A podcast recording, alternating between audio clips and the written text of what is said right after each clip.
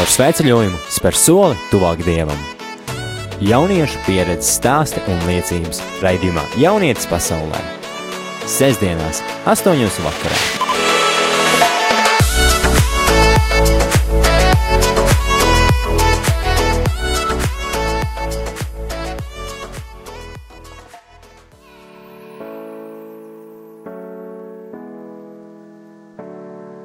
Labvakar, mīļie rādījumi arī klausītāji! Ir sestdienas vakars un kā ierasts ar jums kopā jaunietis pasaulē un Matīs Dalbergs un Kristīna Vaičus. Čau visiem! Tāpat ar mums kopā ir šīs dienas viesi, divas burvīgas dāmas. Tā ir Laila ar interesanto dzīvesveidu, kas vīs cauri kontinentiem, un arī Sintī, jauka studente un dedzīga kristieta no kurzemes puses. Čau, meitenes! Sveiki! Čau! Matīs, tiem, kas klausās mums pirmo reizi, vai tu vari pastāstīt, kas šis ir par raidījumu? Raidījums Jaunietis pasaulē ir raidījums, kurā mēs runāsim ne tikai par jauniešiem vien, bet par visiem mums kā kristiešiem, kuriem nav bail izkāpt no komforta zonas, evanģelizējot, stāstot par Dievu, dzīvojot Latvijā vai arī kaut kur tālu pasaulē, daloties ar savu pieredzi, kā ir būt kaut kur citur pasaulē. Paldies! Laila, ir liels prieks būt kopā šodien šeit ar tevi. Un es gribu tev jautāt, vai tu vari pastāstīt mazliet par to, kas tu esi, no kurienes tu nāc un uh, kā tu atradies Latvijā? Um, ok, tad es esmu oriģināli no Brazīlijas, tur piedzimu Rio de Janeiro. Un es atbraucu uz Latviju pirms pieciem gadiem. Mana vecmāma ir no Liepājas, tā kā viņa vienmēr sastiepa ar Latviju un gribējies paskatīties, kā ir, un man ļoti patika Latvija, tā kā es te paliku. Cik sen tu jau esi Latvijā? Pieci gadi. Un ar ko tu nodarbojies šeit? Es strādāju vienā amerikāņu uzņēmumā, Cabot Corporation. Es studēju biznesu Brazīlijā un šeit arī maģistra grādu par līderību. Un kā ir būt šeit? Vai ir uh, liela starpība starp to, kāds ir Brazīlijā? Daudzas lietas ir ka šeit ir mazāk cilvēku, šeit nav tik karsti. Man ļoti patīk cilvēki te. Protams, ka man arī patīk cilvēki Brazīlijā, bet man ļoti patīk cilvēki te. Un, un kur tev patīk labāk atrasties šeit vai būt tur? To nedrīkst jautāt. Tagad es tikko biju Brazīlijā, un tad es sapratu, ka kamēr es būšu te, man pietrūks Brazīlija, bet ja es brauktu uz turieni, man ļoti pietrūktu Latvijā. Tā kā risinājuma nav. ir prieks tomēr, ka tu esi šeit, un man ir arī pašai prieks tevi pazīt personīgi. Un es zinu, ka tu esi arī kristiete, un uh, ka tu um, dzīvo tādā kā ne kopienā, kopienā, vai tu vari vairāk pastāstīt par to, kur tu atrodies un kā tu nonāci tur? Jā, tad es esmu opuzēja locekle. Mm, ja kāds nekad nedzirdēja par opuzēju, opuzēja ir viena personāla prelatūra katoļu baznīcā. Opus, un opus dei nozīmē latīņu valodā dieva darbs.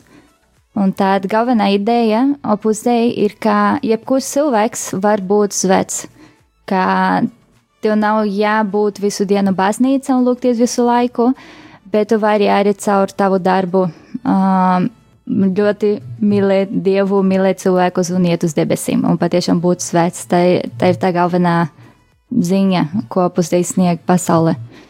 Un tad Es satiku Eiropas Dēļ, kamēr es biju Brazīlijā, jau, nu, jau ļoti sen, bet es jau esmu Opus Dēļ locekli desmit gadus, un tur es jau um, visu kaut ko darīju ar Opus Dēļ, un arī šeit es ļoti palīdzu Opus Dēļ ar visu kaut ko.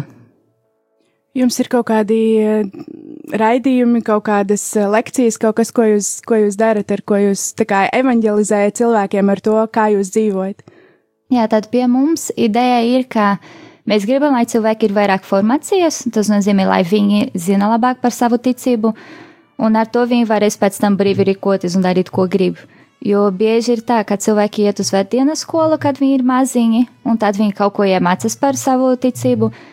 Bet tas, kamēr viņiem ir desmit gadi, un pēc tam viņi turpina izglītoties citas jomās, un viņi aizmirst, kā arī vajag zināt labāk par savu ticību.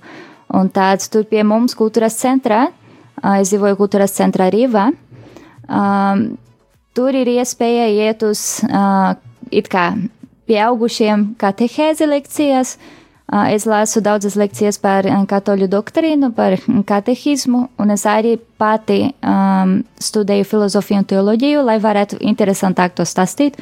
Un arī augstākā līmenī, nevis tieši kā svētdienas skolā bērniem, bet patiešām pieaugušiem.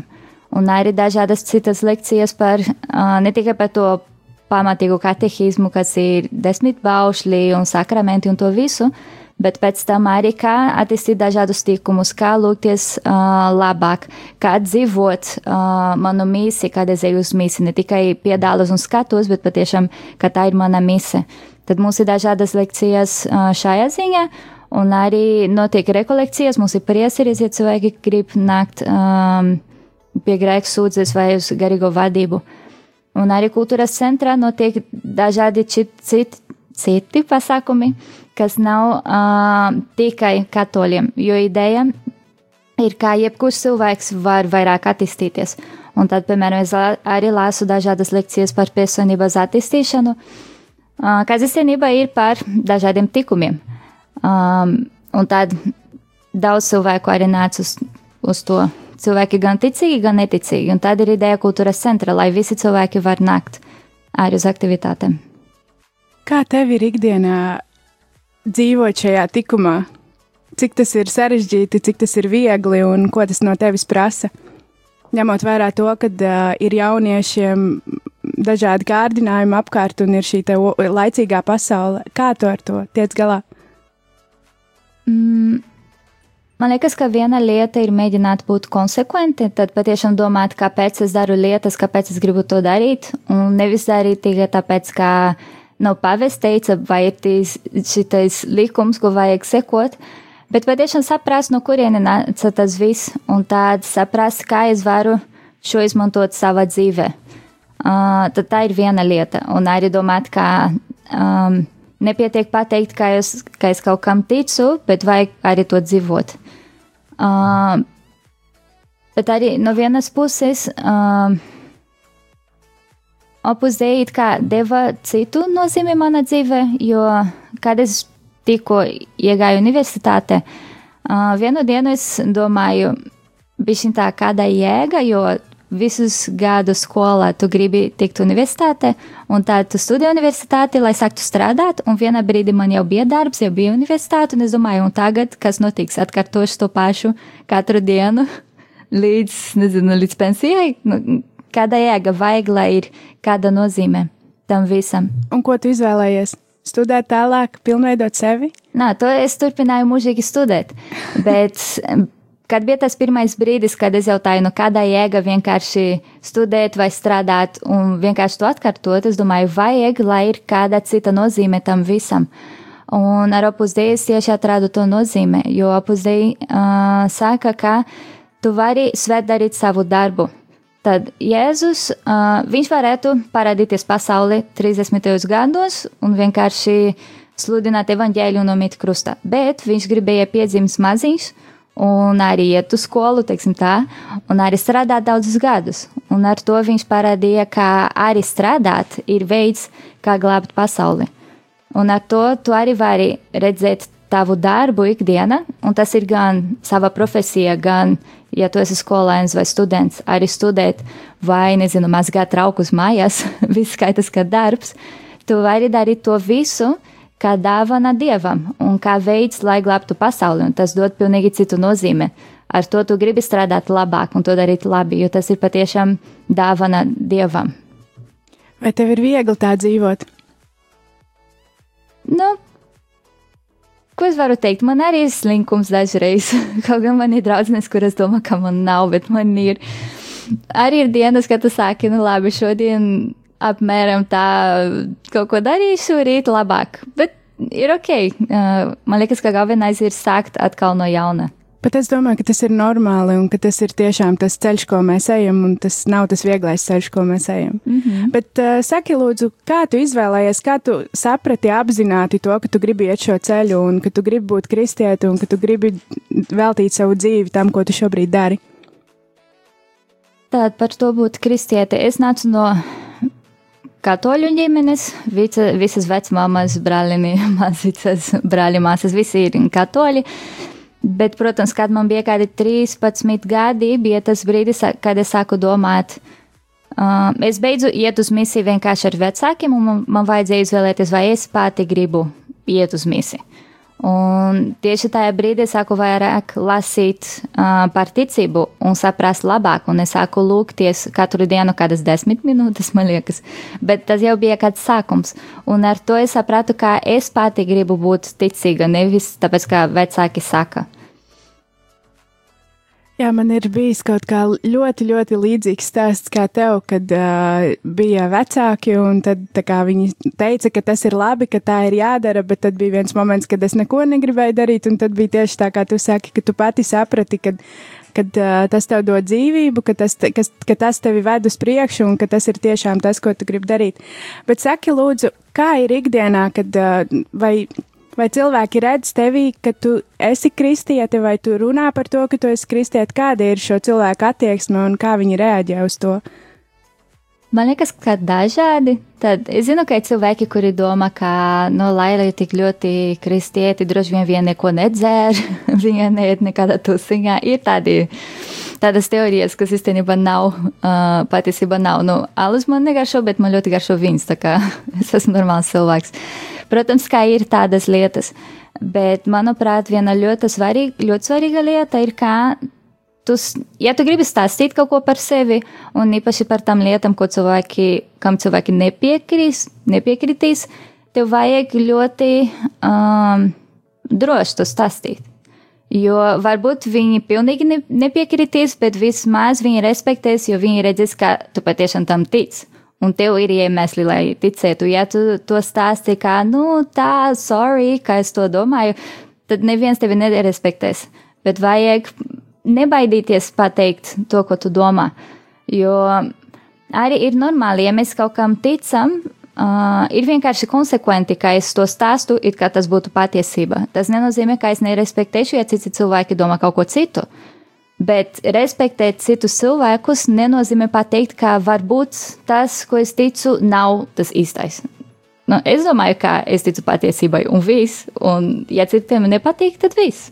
Tā ir viņa problēma. Tas ir pats galvenais, ka tu pati tici un ka tu ar savu dzīvi to vari parādīt. Un vēl viens maziņš jautājums, pirms mēs ejam mūzikas pauzē. Vai ir forši iziet no savas komforta zonas? Man liekas, ka tas ir vienīgais veids, lai augtu. Jā, es tev, es tev piekrītu. Uh, paldies, ar mums kopā bija Laila. Un šobrīd mēs ejam mūzikas pauzītē, un pavisam, pavisam drīz jau būsim atpakaļ kopā ar Matīsu un mūsu otru viešņu Sintiju. Tiekamies pavisam drīz!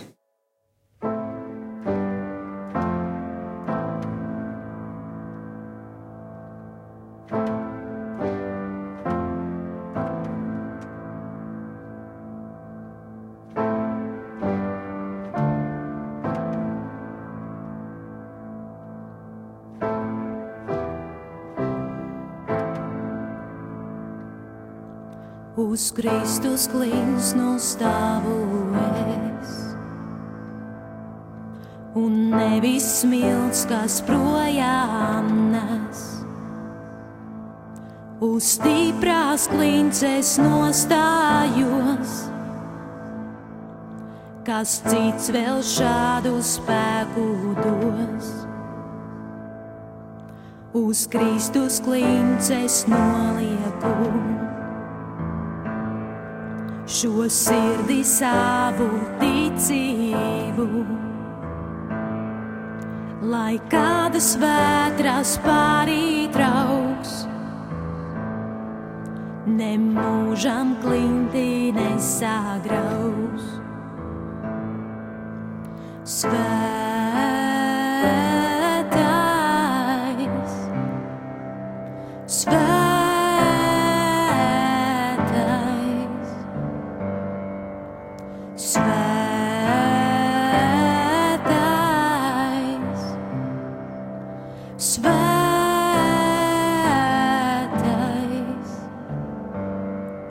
uz Kristus klints nostāvulies. Un pazūd visas izbailēs. Man Kristus patiesību dod, it visus mēlus kliedējot. Svētā!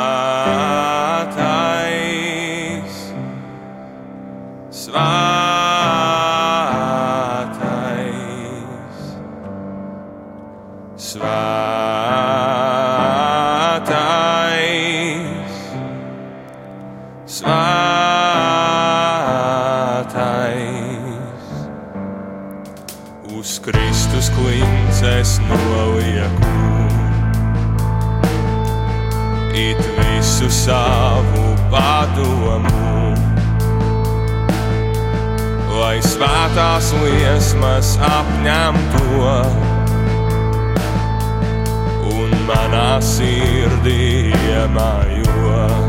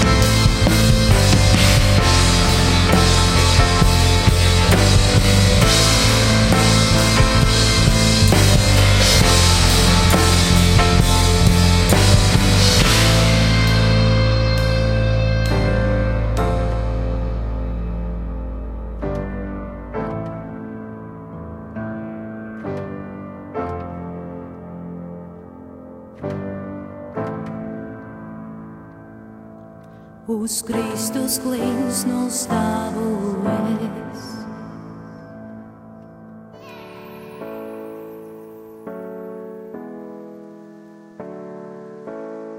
Dārgie radījuma arī klausītāji, mēs atgriežamies ēterā, ā, raidījumā Jaunies pasaulē. Pirmo raidījumu daļu vadīja Kristīna, tagad arī pieslēdzos es, un mēs parunāsim ar mūsu otro šī vakara viesi, ar Sintiju, kura var pastāstīt par veidu, kā viņa evanģelizē. Šie divi stāsti ļoti krāsā atšķirsies. Kā Laila stāstīja, Laila evanģelizē, parādot to ar savu dzīvi, ikdienā, darbā, esot profesionāli. Un es gribētu jautāt tev, kā tu evanģelizē, kā tu ikdienā parādi draugiem, paziņām un ikvienam to, ka tu esi kristiete. Protams, ir svarīgi arī tas, ka arī ar savu dzīvi es cenšos parādīt to, ka es esmu kristiete. Es cenšos to paust ar savu attieksmi pret dažādām lietām. Piemēram, ja ir kādas nebībīgas lietas, es, es nostājos tam pretī. Un, protams, tur ir vajadzīga gudrība no Dieva, spēks no Dieva to darīt. Bet veids, kā es evanģelizēju ikdienā, ir uh, došanās uz ielām, evanģelizēt. Tas notiek reizes nedēļā, kad mēs savācamies kā grupiņa un mēs dodamies uz ielām, lai pastāstītu cilvēkiem par Jēzu. Protams, mēs necenšamies to padarīt tikai par tādu pasākumu, kad mēs izējam, ejam stāstīt kādam par Jēzu un pēc tam vairs to nedaram. Mēs cenšamies arī ikdienā, kad tas ir iespējams, vai no ielas, vai vienkārši satiekoties ar kādiem cilvēkiem, darīt viņiem zinām šo vēstu par Jēzu. Piemēram, arī situācijās, kad es varbūt neesmu plānojis evanģelizēt, es vienkārši nonāku pie tādas, tādas situācijas, kad es vienkārši sajūtu savā, savā sirdī, ka Dievs grib, lai es kādam cilvēkam kaut ko pasaku par viņu, lai es pastāstu. Varbūt tie ir daži vārdi. Un reizēm tas ir bijis tā, ka es pieeju pie kāda cilvēka, kurš runā krievu valodā, un ar krievu valodu, diemžēl, man ir problēmas, un tad šī saruna ne, nevar būt diezko, diezko gara. Bet es ticu, ka Dievs jau pirms viņš aicināja mani iet pie šī cilvēka, viņš zināja, ka es nezinu uh, šo valodu, es nepārzinu to, un ka tiešām šis vārdu krājums tajā ir ierobežots. Un es ticu, ka tiešām Dievs var lietot arī tādas uh, īsas frāzes, ko es vienkārši pasaku, Dievs tev mīl, Jēzus ir plāns savai dzīvei. Ejot pa ielām, tu satiecies ar daudz cilvēkiem. Vai tev nav bijis grūti pārkāpt pāri sev un iet pie cilvēkiem stāstīt? Pilnīgi pie sešiem cilvēkiem. Tu nezini, kā viņi reaģēs, tu nezini, ko viņi atbildēs, vai kāds būs agresīvi noskaņots, vai kāds tiešām šo, šo vēsti uzņems. Kāda tev bija pieredze, vai tev nav bijis grūti pašai kāpt šim pāri un pašai strādāt ar sevi? Nu, protams, nevienmēr ir viegli pieiet pie sveša cilvēka un stāstīt viņam par Jēzu. Bieži vien ir šīs bailes, šīs šaubas, ko cilvēks padomās, ko cilvēks teiks. Ir arī, protams, dažādas situācijas, kad cilvēks uzreiz aizdzen mūs prom, nemaz neklausās tajā, ko mēs vēlamies viņam teikt. Bet ir reizes, kad šis cilvēks, kuram mēs stāstām par Jēzu, ir tiešām līdz asarām, ka viņš pieņem Jēzu Kristu par savu kungu un glābēju. Un tiešām šīs situācijas ir dažādas un, un tiešām bieži nākas pārkāpt pār šai komforta zonai, lai pasludinātu kādam vēstu par Jēzu. Un nevienmēr tas ir viegli. Es tiešām atzīstu to, ka tas nav viegli. Un es ticu, ka Dievs dod gan drosmi, gan spēku un vēlēšanos to darīt. Un es ticu, ka ar viņa palīdzību man tas izdodas darīt. Vai tu vari pastāstīt kādu spilgtu atgadījumu par to, kā tev ir uh, gadījies uh, nes šo vēsti? Nu, viens tāds no spilgtākajiem atgadījumiem pēdējā laikā bija viena situācija, kas patiesībā radās laikā, kad īsti nebija paredzēts evanģelizēt, bet esot vienkārši pie autostas Rīgā, pienāca kāds cilvēks, kurš centās pārdot tabaku. kurš uh, teica, ka viņam ir tabaka, viņam ir filtri, ir viss, kas ir vajadzīgs. Un Es viņam pateicu, ka mums nevajag, bet es zinu, ko vajag tev. Un tad mums bija iespēja uh, pastāstīt par Jēzu Kristu, arī aizlūgt par viņu, un es ticu, ka, ka šī tikšanās ar mums, es ticu, ka var mainīt viņu dzīvi. Vēl bija arī tāda situācija, kad arī patiesībā nebija mērķis iet kādam un evanģelizēt, bet pie mums vienkārši pienāca kāds cilvēks, kurš prasīja telefonu, lai pazvanītu viņa mammai vai brālim.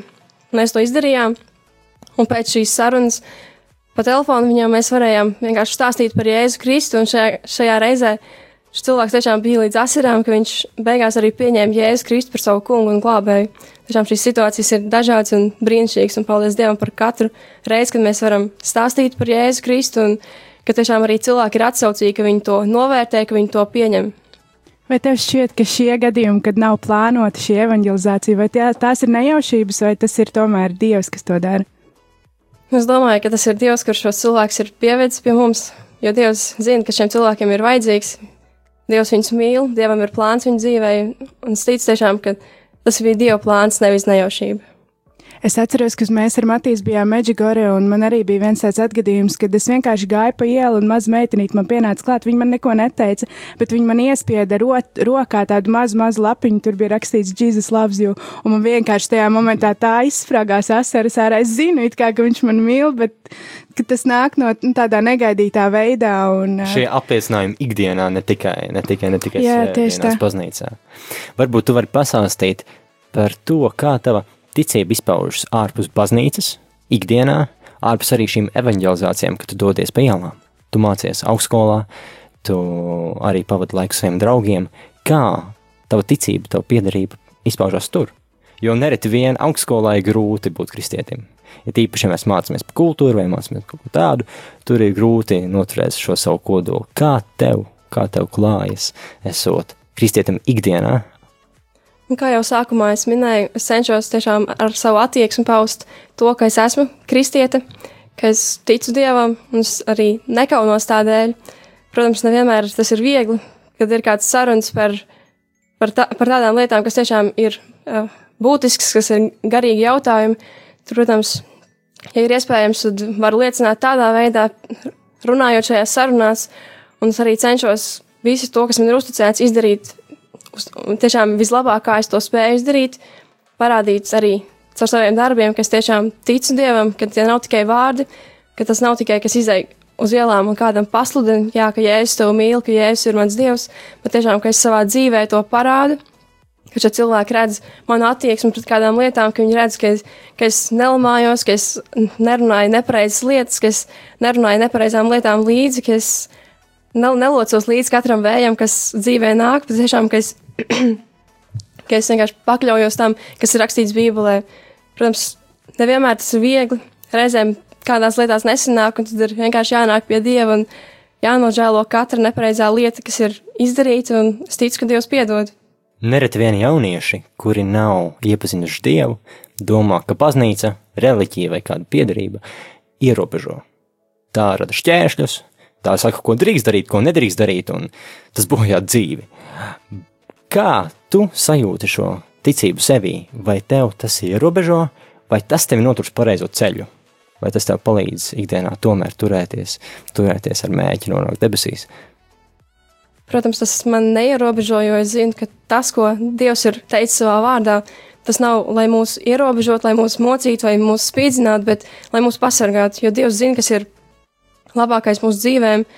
Viņš to ir ierakstījis savā vārdā, lai mēs pie tā varētu turēties. Un es ticu, ka brīvība nav visatļautība. Tas nozīmē, ka, lai kāds Bībelē teiks, ka mēs nedrīkstam darīt to, nedrīkstam darīt to, bet ir vērts arī paskatīties uz tām lietām, ko, mē, ko mēs varam darīt. Mēs varam vienkārši iet kādam stāstīt par jēzu, mēs varam lūgt par slimajiem un redzēt, ka viņiem paliek labāk. Mēs varam vienkārši tiešām mīlēt apkārtējos, mēs varam mīlēt uh, tos cilvēkus, kas varbūt mūs ienīst. Un tas tiešām ir svarīgi, ka mēs ne, ne tikai ka mēs skatāmies uz, uz to, ko liekas Bībele aizliedz darīt, bet ka mēs skatāmies uz to, ko tā mums, kādas iespējas mums paver, ko mēs varam darīt. Ka mēs tiešām varam mīlēt tos, kas mūs ienīst, ka mēs varam ar savu dzīvi vienkārši parādīt, ka ir uh, augstāks mērķis tam, ka, kāpēc mēs eksistējam, vienkārši parādīt to kā dzīvu liecību. Evangelizējot, satiekot tik daudz dažādus cilvēkus un esot, esot kristietim pasaulē, ne tikai, ne tikai kristietim sevī pašā iekšā, vai tevi nācies saskarties ar šaubām? Ar šaubām, kuras tevi var atturēt no tava ceļa, ko tu mēro. Protams, ir bijušas da dažādas šaubas, ir bijušas arī reizes, kad vienkārši es esmu noticējis kādiem meliem, kas ir sēžas šaubas manā dzīvē. Un, un patiesībā šaubas ir veids, kā vēlams var ja, ietekmēt mūsu dzīvi, kā viņš var traucēt mūsu dzīvi. Jo es savā dzīvē esmu to pieredzējis, ka tieši caur meliem, caur šaubām vēlams ir nācis, lai traucētu man, lai apturētu man vispār to, ko Dievs ir paredzējis man. Un paldies Dievam, ka Dievs ir devis līdzās cilvēkus, kas ir lūguši par mani, kas ir stāstījuši to, kas ir Dieva vārdu patiesībā. Bībelē ir teikts, ka jūs atzīsiet patiesību un patiesība darīs jūs brīvus. Un es ticu, ka šī patiesība mūs atbrīvo no šaubām dažādās situācijās, situācijās vai tās būtu kādas domas par glābšanu, vai arī par kādām citām lietām, kad mēs skaidri redzam, ko Dievs par to saka. Tad mums tam ir vienkārši jānotic. Reizēm tas nebūs viegli, bet ir, ir svarīgi, ka mēs pieturamies tiešām pie šī vārda. Un tad arī šaubas nebūs mūsu dzīvē, ja mēs staigāsim tiešām pēc Dieva vārda. Mēs kā kristieši apzināmies, ka bailes nav no Dieva. Tās ir no Tieši tā. sātana. Ko tu varētu ieteikt radio klausītājiem, kā ar šīm bailēm cīnīties? Cīnīties ikdienā, cīnīties brīžos, kad Dievs uzrunā, ej evanģelizē, bet man ir bail. Man ir bail, ko padomās man apkārtējā, ko padomās mani tuvinieki, un bail pašā izkāpt no šīs komforta zonas, kur man ir silti ērti, un labāk palikšu turpat. Kā tu iesaki cīnīties ar šīm bailēm, jo tev tajā ir pieredze? Protams, tā ir lūkšana, tuvoties Dievam. Un reizēm tieši šīs grūtās situācijas, kad ir šīs bailes, tas ir brīnišķīgs veids, kā mēs varam tuvoties Dievam. Arī, kā jau minēju, lasīt Dievu vārdu, ko Dievu vārds saka par konkrēto situāciju.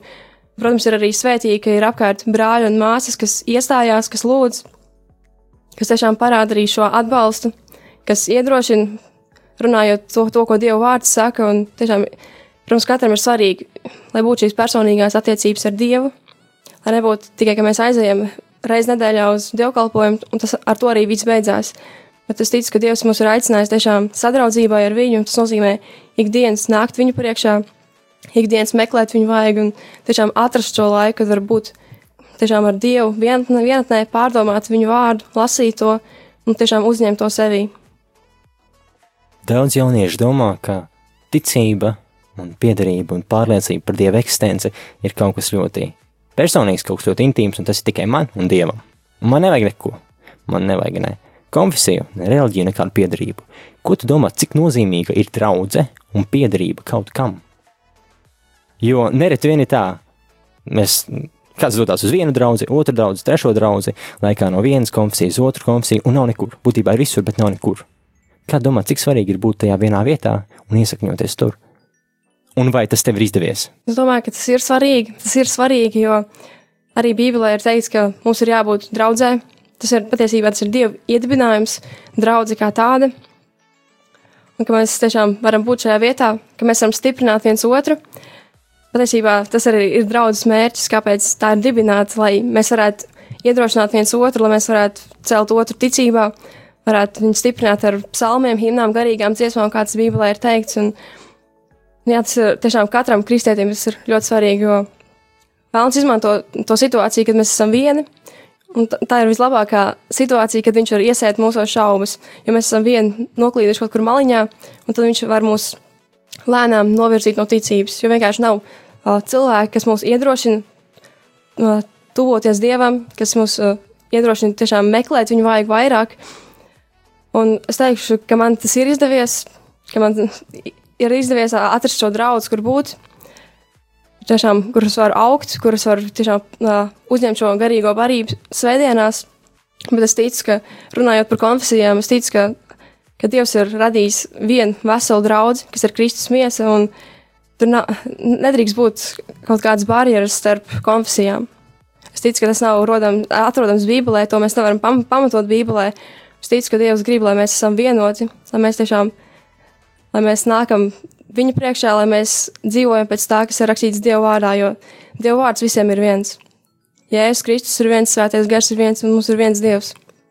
Paldies, tev, ka šodien bija ar mums vēl viens pēdējais jautājums. Es ticu, ka kāds no radio klausītājiem arī vēlētos pievienoties tev.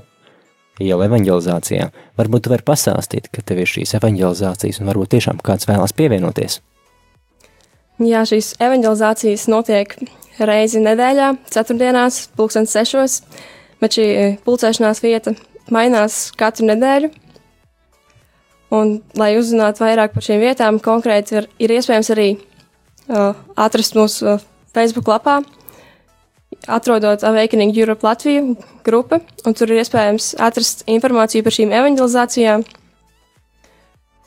Jā, sanāk tā, tā ka mēs reiz, ah, reiz nedēļā mēs pulcējamies dažādās Rīgas centra vietās, un, un mēs dodamies pastāstīt uh, cilvēkiem par Jēzu.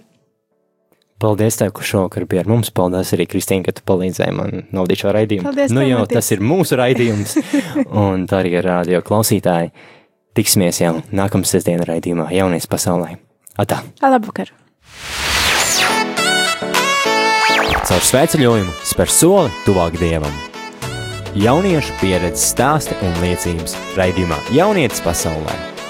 Sestdienās, 8.00 vakarā.